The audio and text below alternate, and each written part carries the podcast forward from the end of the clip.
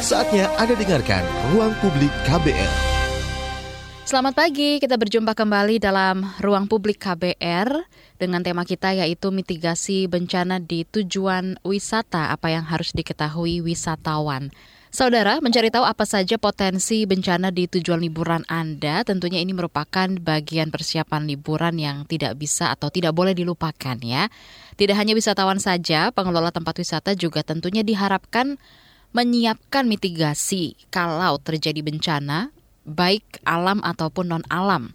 Apalagi seperti kita tahu ya sebagian wilayah Indonesia juga bersiap nih menghadapi puncak musim hujan di Januari tahun depan.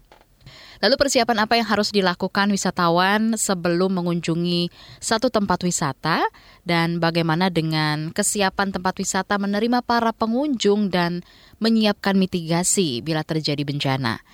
Kita akan bincangkan hal ini bersama dengan Agus Pahlevi, Ketua Umum Asosiasi Pelaku Pariwisata Indonesia, dan juga Avianto Amri, Ketua Umum Masyarakat Penanggulangan Bencana Indonesia MPBI.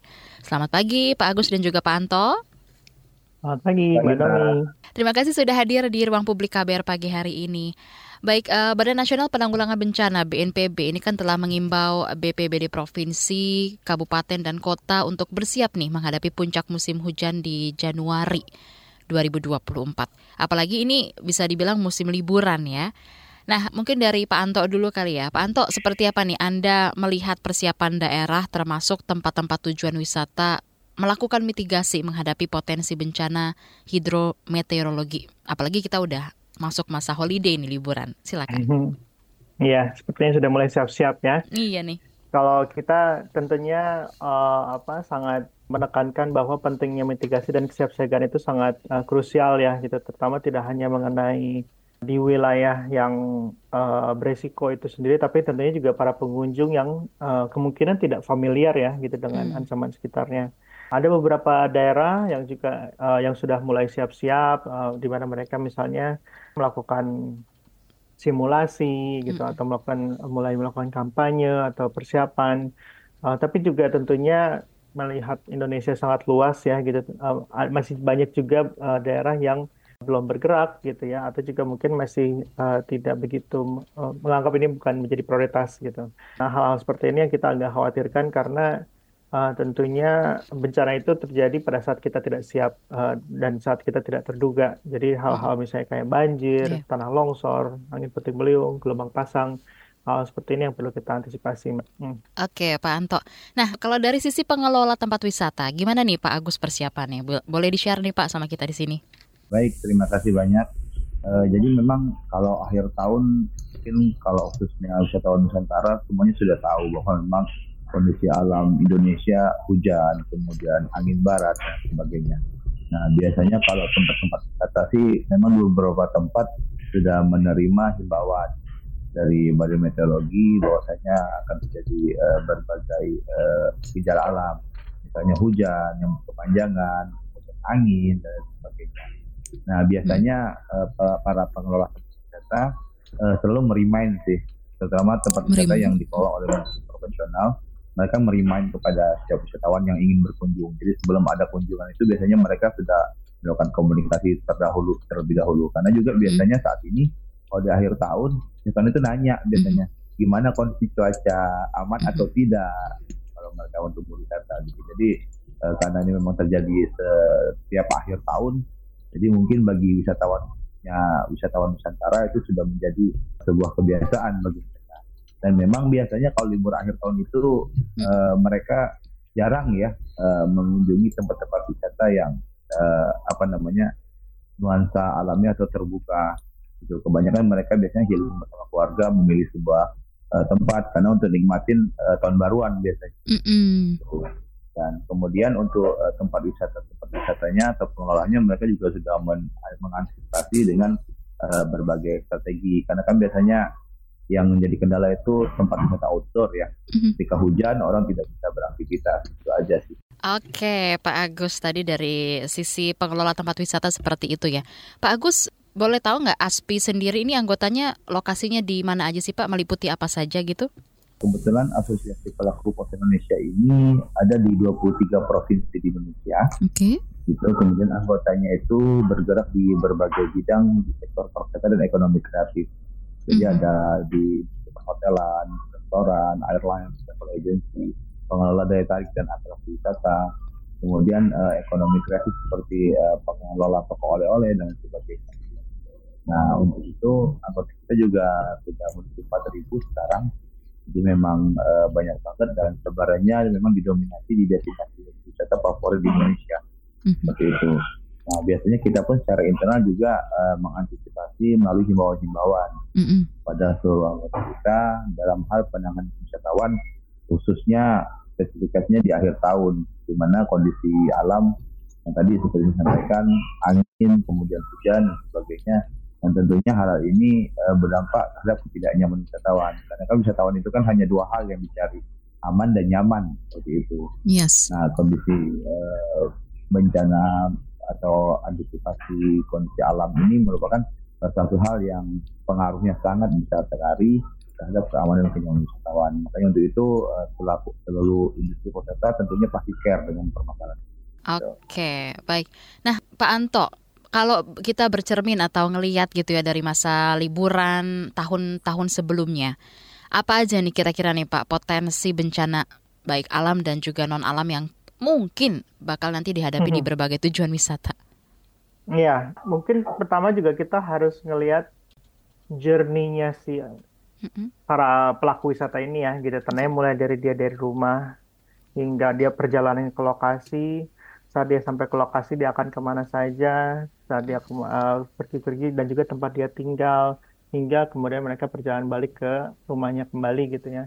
Nah itu kan dari seluruh proses itu perlu dilihat kira-kira uh, khususnya untuk hidrometeorologi ya gitu tandanya uh, apakah uh, ada kemungkinan banjir atau banjir bandang gitu ya di di wilayah sekitarnya tanah longsor kalau misalnya mereka mau glamping gitu misalnya mm -hmm. atau mau mm-hmm. camping uh, ya dia harus lihat tuh gitu apakah kondisi uh, lokasinya itu uh, berada di, di dekat lereng, lereng terjal nggak gitu atau uh, kira-kira apakah ada pelindungnya uh, yang sehingga me, apa sehingga tidak ada gerakan tanah ya gitu untuk yang menyebabkan tanah longsor. Sekarang di Indonesia sangat sering juga terjadi angin puting beliung. Hmm. angin puting beliung ini juga atau atau angin kencang juga kan uh, sangat berbahaya dan juga uh, harus mengetahui di mana sih lokasi-lokasinya yang uh, rentan atau misalnya si turis ini juga misalnya mau ke melaut gitu ya, mm-hmm. mau snorkeling, mau diving, mau santai pantai gitu. Mm-hmm. Nah itu juga harus mengetahui uh, kapan itu gelombang pasang, uh, kapan itu mungkin uh, misalnya akan terjadi badai atau cuaca ekstrim. Uh, tapi juga tidak hanya meteorologi ya gitu. Jadi kalau misalnya dia lagi di pantai terus terasa gempa gitu, nah tandanya kan dia harus tahu ke mana dia harus evakuasi untuk menghindari terjadinya tsunami gitu misalnya. Okay. Dan hal-hal seperti itulah yang harus kita waspadai. Gitu Mbak. Oke okay, Pak Anto. Nah kalau terkait nih ya eh, persiapan pengelola wisata, seperti apa nih dari Asosiasi Pelaku Pariwisata Indonesia sendiri nih Pak Agus? Apakah ada pengawasan dari pemerintah daerahnya atau seperti apa nih Pak? Sebenarnya sih dalam mengelola atau membuat sebuah membangun sebuah destinasi atau atraksi tentunya kan ada standarisasi mbak. Mm-hmm. Nah di antaranya itu kita sebut tata kelola daya tarik ataupun atraksi. Nah di sana salah satu poinnya adalah melengkapi seperti sign sign petunjuk baik petunjuk arah, mm-hmm. kemudian tadi petunjuk evakuasi yang disampaikan oleh Pak uh, Avianto, mm-hmm. kemudian standarisasi keselamatan wisatawan, jalur evakuasi ke mana, yeah. kalau terjadi bahaya ke mana menghubungi, tindakannya apa, kemudian ditambah lagi skill yang dimiliki oleh eh, tenaga-tenaga uh, di sebuah detek terapi di mana mereka tentunya sudah dilatih mengenai manajemen pertolongan pertama, manajemen bencana seperti itu. Jadi sebenarnya kalau dari uh, daya tarik atau atraksi yang memang dikelola secara profesional, hal-hal ini sebenarnya memang sudah persiapan sejak dini. Nah, hmm. tinggal ini kan seasonable kan, mm -hmm. tidak setiap saat. Tinggal uh, mungkin di setiap pengelola itu ketika di akhir tahun seperti ini mereka agak lebih ekstra dalam arti kesiagaan karena mengingat eh, hal-hal yang tidak diinginkan ini kan terjadi mendadak ya kapan saja gitu. Jadi mereka tentunya mengikuti uh, tata cara dan aturan-aturan serta informasi-informasi yang diinformasikan dalam hal ini oleh pemerintah melalui BNPB gitu. Jadi memang uh, biasanya di akhir tahun ini lebih care aja dengan uh, pengelolaan atau pelayanan wisatawan, terutama dalam hal mengantisipasi kejadian-kejadian yang berkaitan dengan uh, cuaca. Seperti itu, Mbak. Oke, Pak Anto, uh, seperti apa nih pengunjung bisa mengukur gitu ya tingkat kesiapan tempat wisata hmm. kalau mereka mau berwisata begitu ya. Seperti apa juga pentingnya pengunjung ini mengunjungi tempat-tempat wisata yang jelas mitigasi bencananya karena menghindari sesuatu yang tidak diinginkan begitu ya. Hmm. Beberapa Tentunya. waktu lalu kan sempat ada kejadian begitu di salah satu tempat wisata yang mengakibatkan ada korban jiwa juga begitu kan. Jadi ini nih gimana nih Pak, seberapa penting dan juga seperti apa cara kita sebagai pengunjung bisa mengukur tingkat kesiapan tempat wisata ini? Hmm, uh, tentunya sangat penting ya gitu. Uh, kita sering sekali sudah sudah terlalu sering maksudnya untuk mendengar berita mengenai misalnya ada sekelompok anak-anak yang kemudian dia menyusuri sungai terus kemudian dia ke bawah arus uh, dan kemudian hilang atau uh, fatal gitu ya akibatnya atau misalnya juga uh, apa wilayah yang kemudian kena banjir ya gitu. Jadi uh, hal yang pertama yang saya tanyain tentunya uh, ke tempat wisata tersebut adalah kira-kira jenis ancaman uh, ada risiko bencana apa aja sih di situ gitu. Dan kalau misalnya mereka hanya menganggap itu aman-aman saja, uh, saya rasa perlu dipertanyakan ya gitu. Karena kan Indonesia itu memang sumber bencana ya gitu. Maksudnya, uh, tapi kan yang penting adalah bagaimana kita mengetahui uh, apa saja sih ancaman bencananya dan langkah-langkah mitigasi apa yang sudah dilakukan gitu. Uh, dan banyak operator-operator uh, wisata atau pengusaha-pengusaha yang sudah cukup tanggap ya gitu. Sehingga mereka seharusnya sudah punya rencana siap siaga. Uh, kalau misalnya terjadi banjir apa sih prosedurnya? Kalau misalnya terjadi tanah longsor kayak gimana? Uh, apa yang harus dilakukan? Uh, di mana tempat evakuasi di, di mana uh, route jalur evakuasi uh, di mana titik aman? Uh, apa saja sih fasilitas perlengkapan siap siaga yang mereka miliki gitu. Kalau misalnya untuk mengantisipasi terjadi kebakaran misalnya atau mm. ada gempa ada banjir tanah longsor fasilitas-fasilitas uh, apa yang mereka sudah punya. Uh, dan juga uh, terakhir tentunya yang uh, juga tidak kalah penting apakah mereka sudah terlatih ya gitu. Jadi hmm. uh, apa ada manajemen kedaruratannya ada tim siaganya. Uh, sehingga uh, kita juga tahu uh, kalau misalnya terjadi apa-apa siapa yang melakukan apa di mana dan kapan itu sudah jelas prosedurnya SOP-nya dan itu uh, kalau saya uh, liburan saya uh, operator yang terbuka, transparan, hmm. uh, menjelaskan itu membuat saya seperti tadi yang uh, Pak Agus bilang ya gitu, uh, saya lebih merasa aman hmm. uh, daripada yang yeah. yang uh, tidak memberikan informasi yang jelas gitu terkait hmm. itu. Oke, okay, baik. Terima kasih Pak Anto dan juga Pak Agus atas beberapa penjelasannya. Tentunya kita masih membahas mengenai mitigasi bencana di tujuan wisata apa yang harus diketahui wisatawan. Untuk Anda pendengar tetaplah bersama kami dalam Ruang Publik KBR. Masih Anda dengarkan Ruang Publik KBR. Anda masih mendengarkan Ruang Publik KBR dengan tema kita mitigasi bencana di tujuan wisata, apa yang harus diketahui wisatawan. Bersama dengan Pak Agus dari Asosiasi Pelaku Pariwisata Indonesia dan juga dari MPBI Masyarakat Penanggulangan Bencana Indonesia kita masih berbincang dengan Pak Anto. Oke, Pak Anto, kalau tadi sudah dijelaskan begitu ya beberapa hal yang perlu wisatawan ketahui begitu ya sebelum mengunjungi tempat wisatanya. Kalau dari pengawasan Pemdanya sendiri nih terhadap tempat wisata gimana nih Pak Anto update-nya? Oh, saya agak sanksi ya bahwa hmm. Pemda itu punya kapasitas dan juga punya SDM untuk melakukan pengawasan yang menyeluruh terkait apakah itu kesiapan operator wisata atau kesiapan pengusaha lainnya gitu dan seluruh komponen-komponen uh, yang terlibat ya gitu. Uh, sehingga memang peran masyarakat jadi lebih penting ya gitu. Mm. antara itu yang akan melakukan wisatanya atau juga komunitas di sekitar. Karena memang ini sebenarnya uh, walaupun adalah tanggung jawab utamanya adalah uh, pemerintah daerah, tapi kan ini adalah uh, untuk kepentingan kita bersama ya gitu. Yeah. Tidak ada yang kita inginkan untuk terjadi bencana, baik itu yang berkunjung ataupun yang dikunjungi gitu. Karena kan kalau misalnya terjadi apa-apa ya reputasi pun yang kemudian akan tercoreng gitu Hmm. atau juga kita pengen menghindar tentunya kerugian material ataupun bahkan kehilangan jiwa gitu atau ke apa uh, luka-luka dan seterusnya. Nah, jadi kalau misalnya pemerintah daerah itu Mhm. mungkin ada pemerintah daerah yang sigap gitu ya atau mungkin uh, terutama untuk mungkin destinasi tujuan utama ya kayak misalnya daerah Jakarta, Bali atau kota-kota besar. Tapi kalau misalnya Hmm. pemerintah daerah lainnya itu mungkin agak menyangsingkan kapasitas dan juga kemampuan mereka untuk memonitor ya gitu atau memantau kesiapan seluruh komponen yang ada. Oke, oke baik. Lalu eh, Pak Agus dari ASPI sendiri, apakah ada data nih Pak terkait anggotanya yang apa yang ada kejadian di masa liburan tahun lalu begitu Pak?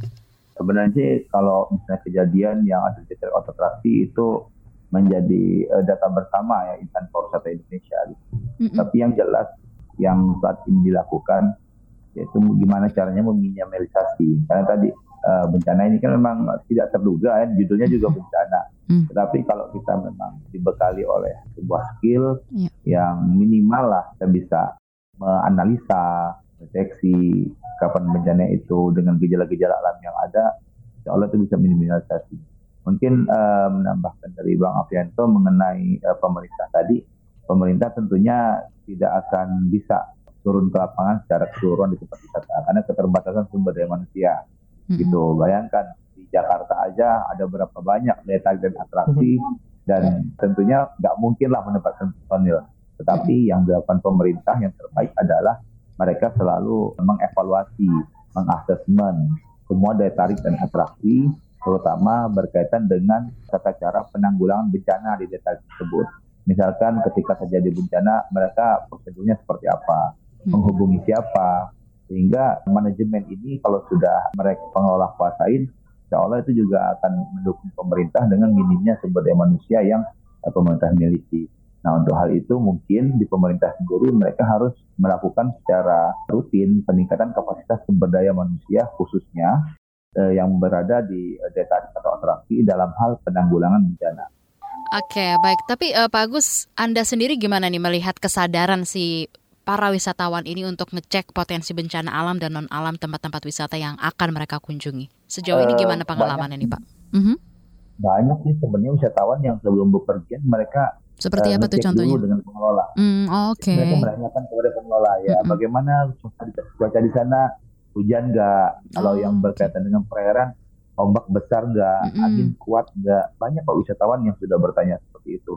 Nah karena memang ketika bencana ini kan memang edukasinya harus eh, massal ya. Iya. Yang diedukasi itu tidak hanya pengelola tetapi juga pengunjungnya gitu. Yang namanya juga mengantisipasi. Jadi kalau mengantisipasi itu semaksimal mungkin kita lakukan untuk meminimalisasi kejadian-kejadian yang tidak bisa. Jadi Hmm. intinya orang bepergian makanya saya sampaikan dari awal tadi sebenarnya kalau akhir tahun orang-orang itu males ke tempat-tempat wisata terbuka karena mereka tahu apalagi di Indonesia Indonesia itu menyeluruh lah ya hampir Iya.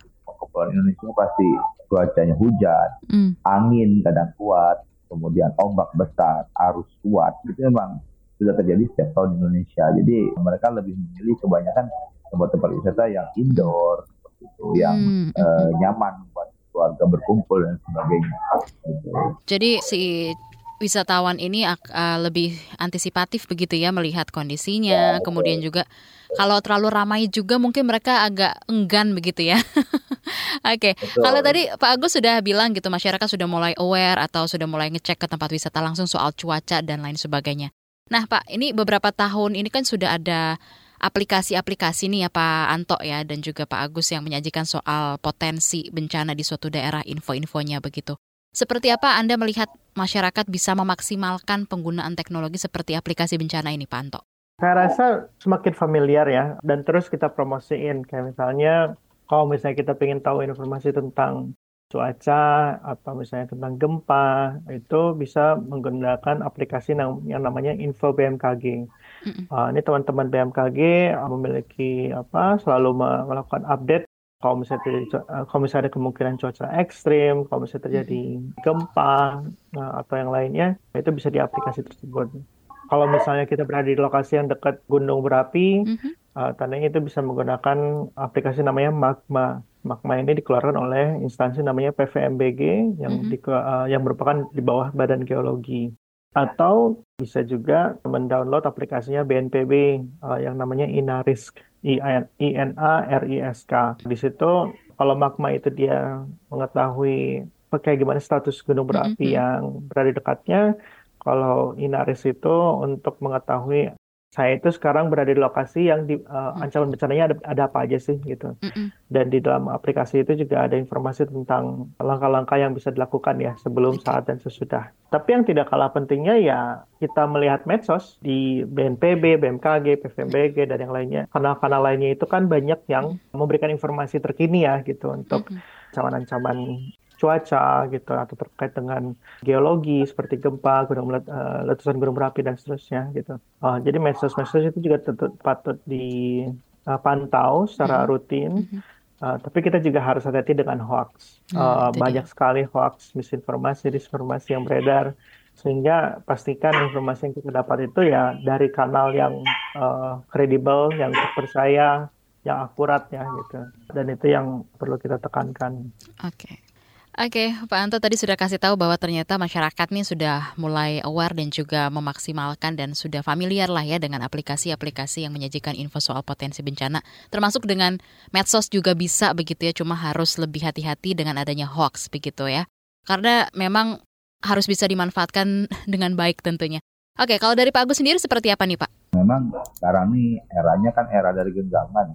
Mm -mm. Jadi melalui tangan semua informasi bisa dicapai ya saya pribadi pun sebenarnya ke mana-mana ngecek cuacanya lewat aplikasi oh. gitu atau lewat okay. situs resmi pemerintah apalagi mm -mm. kebetulan saya juga ngelola wisata kepulauan kan -mm. di mana kondisi cuacanya itu berubah setiap saat lagi di akhir tahun ini tentunya kami intens sekali seperti misalnya sudah terjadi hujan prediksinya jam berapa hujan berhenti itu semuanya kita lihat uh, lewat aplikasi yang sudah disiapkan. Dan hmm. wisatawan pun juga akan seperti itu. Misalnya mereka dari hotel hujan mereka pasti akan ngecek lewat website atau aplikasi jam berapa mereka akan keluar prediksi hujan berhenti kapan.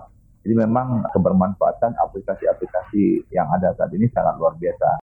Cuman kembali merimain kembali yang katakan Pak Anto tadi jangan salah memilih website atau aplikasi yang ada. Karena tadi terkait dengan itu untuk hoax seperti itu. Mungkin bisa di remind kembali gitu dari Pak Agus aplikasi apa saja yang direkomendasikan untuk bisa digunakan oleh wisatawan nih Pak pada saat nanti mau berlibur. Yang paling simpel sih sebenarnya di setiap handphone itu kan mm -hmm. sudah ada weather ya. Jadi oh, tinggal diklik aja muncul kok. Itu udah pasti akurat ya? Uh, kebetulan saya juga gunakan yang paling simpel itu yang ada di smartphone. Mm. Gitu, dan akurasinya bisa sampai 90 persen hanya saja kan memang koordinat posisi kita berada itu uh, sangat menentukan. Kadang selisih setengah jam, kadang selisih satu jam. Karena dia tidak semua lokasi ada di kota-kota tertentu. Gitu. Kemudian yang resmi dari BMKG tentunya official pemerintah itu juga bisa kita gunakan sebagai acuan. Hmm. baik untuk mengukur uh, tinggi gelombang air laut, hmm. angin, hujan, panas dan sebagainya. Oke, baik. Nah, untuk Anda pendengar, Anda sedang mendengarkan Ruang Publik KBR, kita lagi membicarakan mengenai mitigasi bencana di tujuan wisata, apa yang harus diketahui wisatawan. Bersama dengan kedua narasumber kita, ada Pak Agus dari Asosiasi Pelaku Pariwisata Indonesia, dan juga Pak Anto dari Masyarakat Penanggulangan Bencana Indonesia MPBI. Kita akan kembali setelah pesan-pesan berikut ini, tetaplah bersama kami dalam Ruang Publik KBR. Masih Anda dengarkan Ruang Publik KBR. Terima kasih untuk Anda yang masih setia mendengarkan Ruang Publik KBR hari ini dengan tema mitigasi bencana di tujuan wisata apa yang harus diketahui wisatawan. Kita masih berbincang dengan Pak Anto dan juga Pak Agus dari MPBI dan juga dari hmm. ASPI. Nah, kita ke Pak Anto dulu ya. Pak Anto, gimana wisatawan harus mempersiapkan atau prepare liburannya supaya siap menghadapi berbagai potensi bencana, baik alam dan juga non-alam di tempat tujuan wisata? Apa aja nih Pak yang harus mereka siapkan?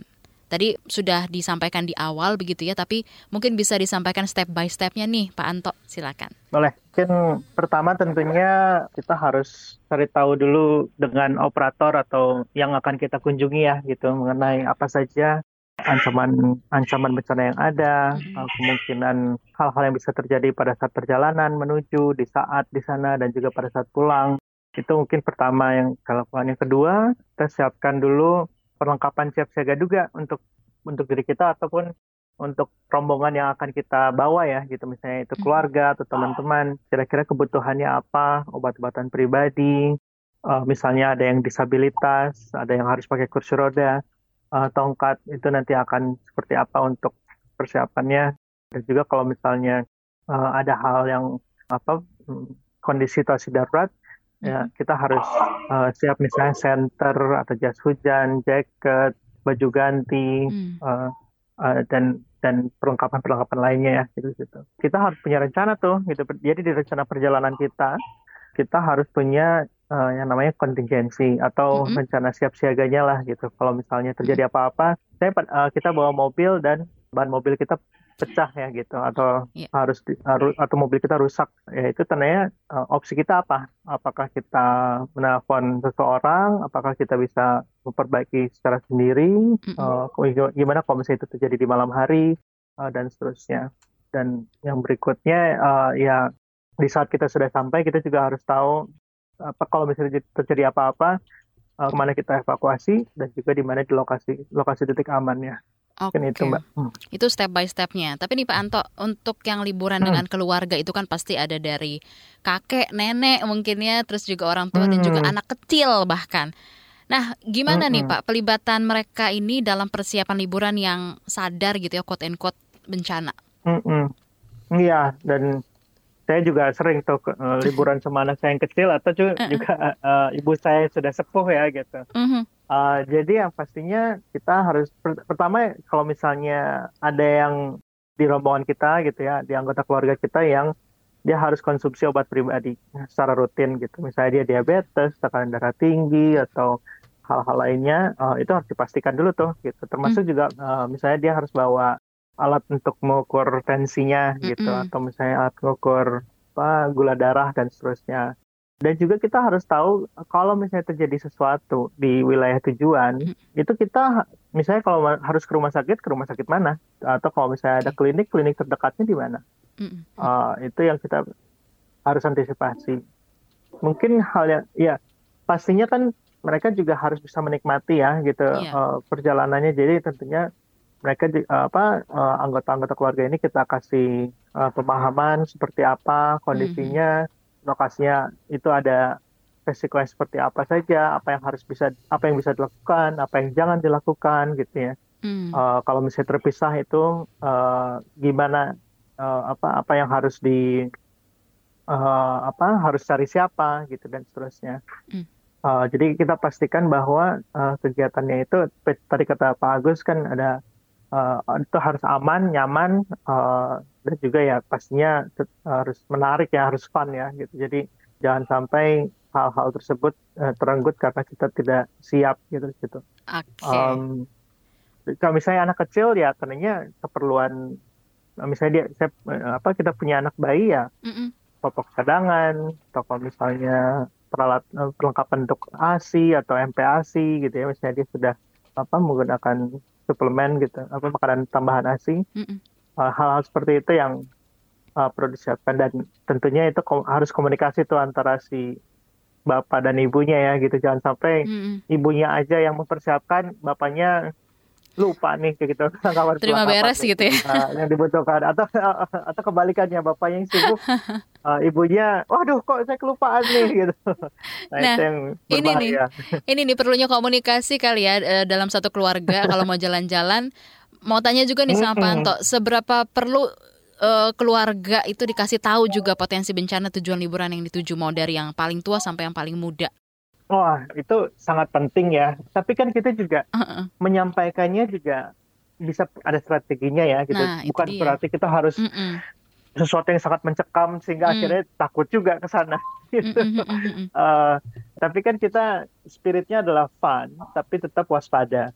Uh, kalau misalnya kita ke pantai ya kita harus tahu nih gitu kalau misalnya ada guncangan uh, itu bisa terjadi tsunami mm. ke mana kita harus evakuasi gitu anak kecil pun itu bisa kita beri pemahaman ya gitu yang simple aja gitu nggak perlu sampai Indonesia berada di berapa lempeng dunia dan dan dan segala macam ya gitu. Tapi uh, ya hal-hal praktis kalau misalnya terjadi ini, ini yang harus kita lakukan. Kalau misalnya terjadi apa, yeah. kayak gimana yang apa tindakannya gitu. Mm. Tetap memberikan pemahaman, uh, tapi juga tetap uh, dengan cara yang sesuai gitu. Oke, jadi tetap dikasih pemahaman dengan bahasa yang memang mereka pahami lah ya, karena kita kan kenal gitu satu keluarga dan tentunya untuk lebih antisipat uh, antisipatif saja dengan uh, tempat wisata yang akan dituju begitu ya.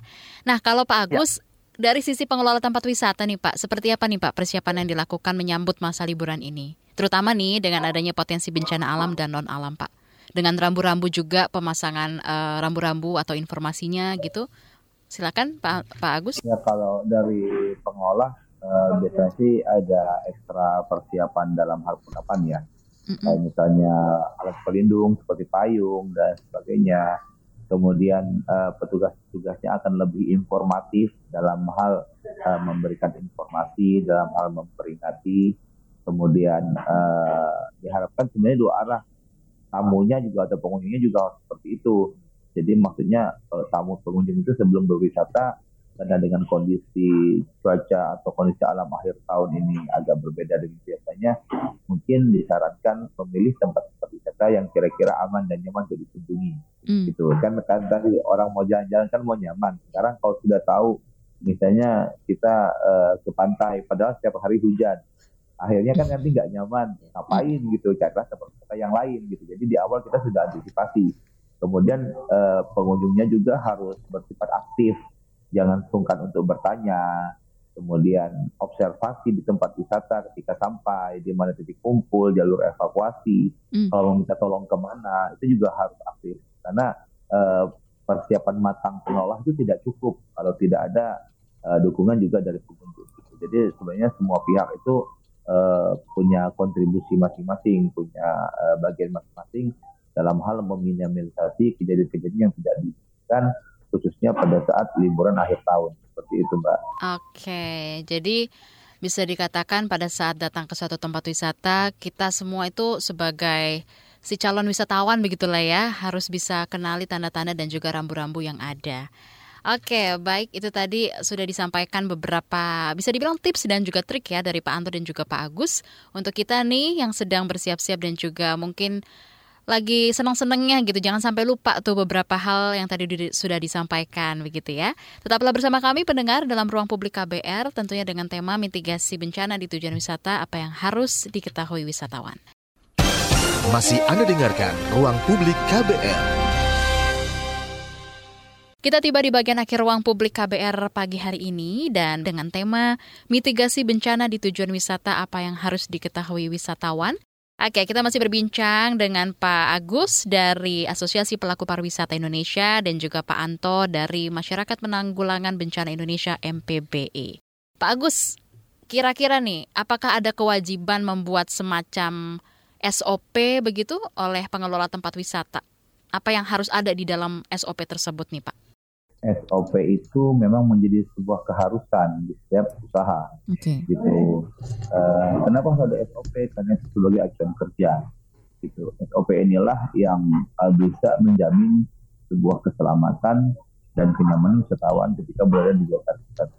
Dan idealnya SOP itu di semua hal dibuat dari mulai SOP parkir, SOP pembelian tiket, SOP hmm. penyambutan tamu, SOP di toilet seperti apa baik oleh pengelola maupun oleh wisatawan gitu karena kalau tanpa SOP usaha daya tarik dan uh, atraksi ini bisa kita katakan kurang aman dan nyaman karena hmm. SOP ini kan berkaitan dengan standarisasi yang berdasarkan pengujian sebelumnya sebelum disahkan atau digunakan gitu. hmm. nah jenisnya SOP apa saja tadi semua lini jadi ketika dalam pengelolaan sebuah daya dan atraksi, hmm. itu kan kita punya uh, aktivitas, punya bagian dan uh, punya eh, hal-hal uh, yang tentunya menempatkan orang-orang untuk pelayanan. Hmm. Nah, SOP ini kan biasanya berkaitan dengan uh, tata cara kerja dalam melayani wisatawan. Mm. Dari mulai pintu masuk, kemudian malah bukan dari pintu masuk, dari orang membuat reservasi.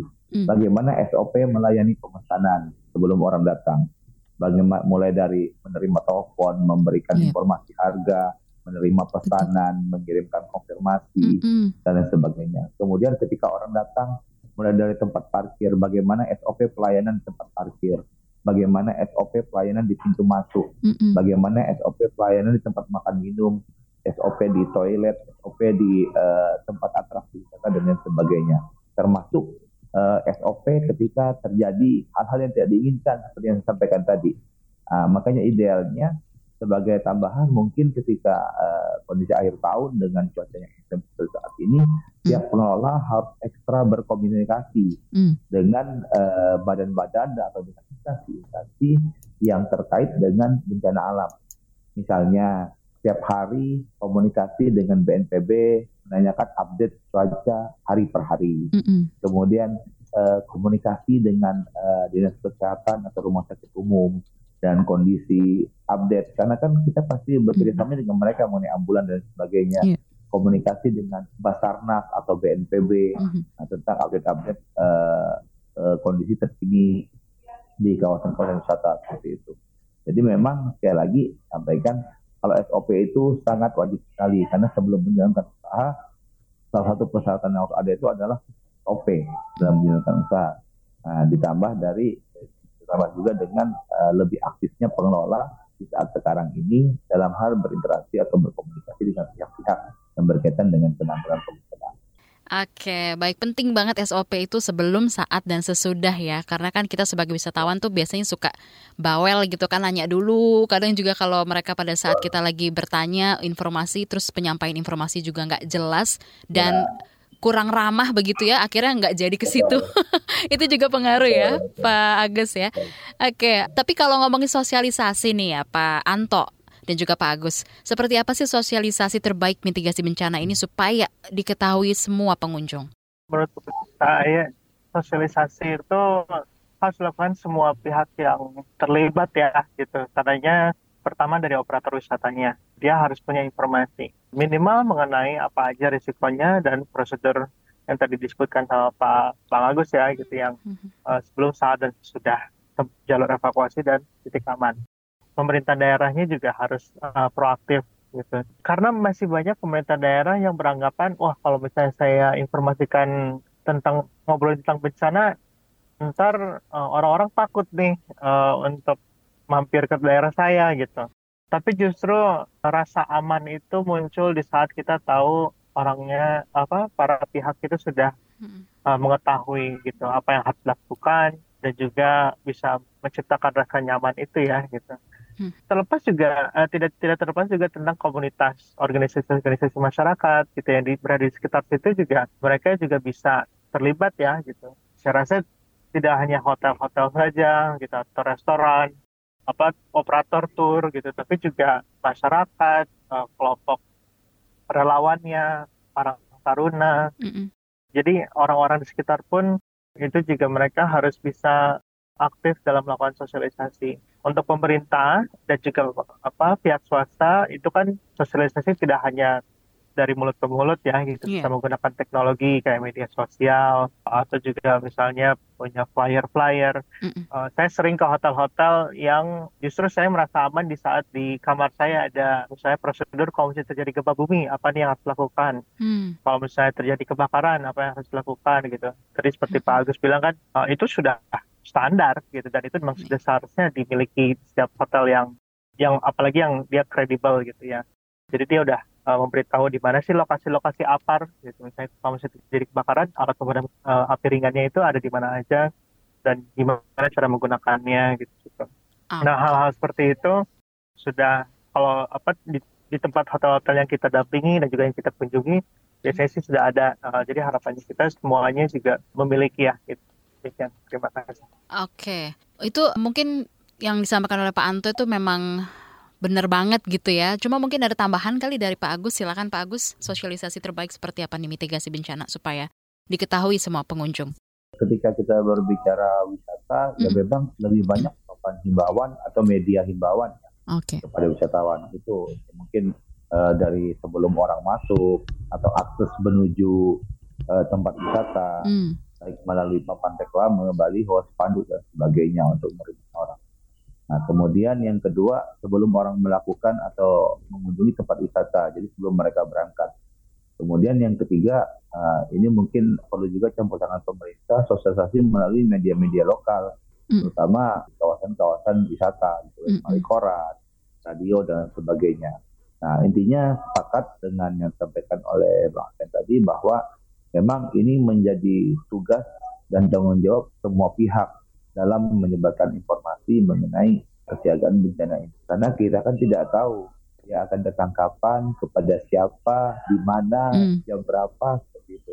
Sehingga kalau informasinya tersebar di mana pun, semua orang bisa berjaga-jaga, semua orang bisa mengantisipasi yeah. dan mendukung meminimalisasi uh, terjadinya korban. Mm. Gitu, Oke, terakhir nih untuk pendengar bisa ketahui ya, pesan dan juga himbauan deh untuk para wisatawan dan juga pengelola tempat wisata dalam menghadapi musim liburan ini nih supaya wisatawan juga bisa maksimal menikmati kunjungan mereka. Dari Pak Anto dulu, lalu nanti ditutup oleh Pak Agus, silakan. Baik, ya. Intinya kan bisa kita kita sebutkan bahwa tidak ada wilayah di Indonesia yang murni tidak ada ancaman bencananya. Gitu. Jadi kita tetap harus waspada, kita harus cari tahu, kenali resikonya, kenali ancamannya, uh, bagaimana kita bisa mengantisipasi tanpa siap siaga uh, dan juga mengetahui apa yang terjadi kalau misalnya di saat ada darurat. Uh, hal itu bisa bisa optimal bisa efektif kalau misalnya semua orang ini terlibat. Baik itu dari yang akan berkunjung baik itu yang akan dikunjung uh, pihak pemerintah masyarakat ini kita harus bekerja sama ya gitu untuk memastikan rasa aman, nyaman hmm. itu juga tetap muncul di saat kegiatan yang diharapkan bisa bermanfaat dan menarik dan fun ya gitu. Mungkin itu dari kami. Terima kasih. Oke, terima kasih Pak Anto. Dari Pak Agus silakan seperti apa nih pesan dan imbauan untuk para wisatawan dan juga pengelola tempat wisata untuk musim liburan ini nih Pak. Baik kepada uh, calon wisatawan, silakan memilih tempat-tempat wisata yang kira-kira aman dikunjungi. Mm -mm disesuaikan dengan kondisi kita pribadi.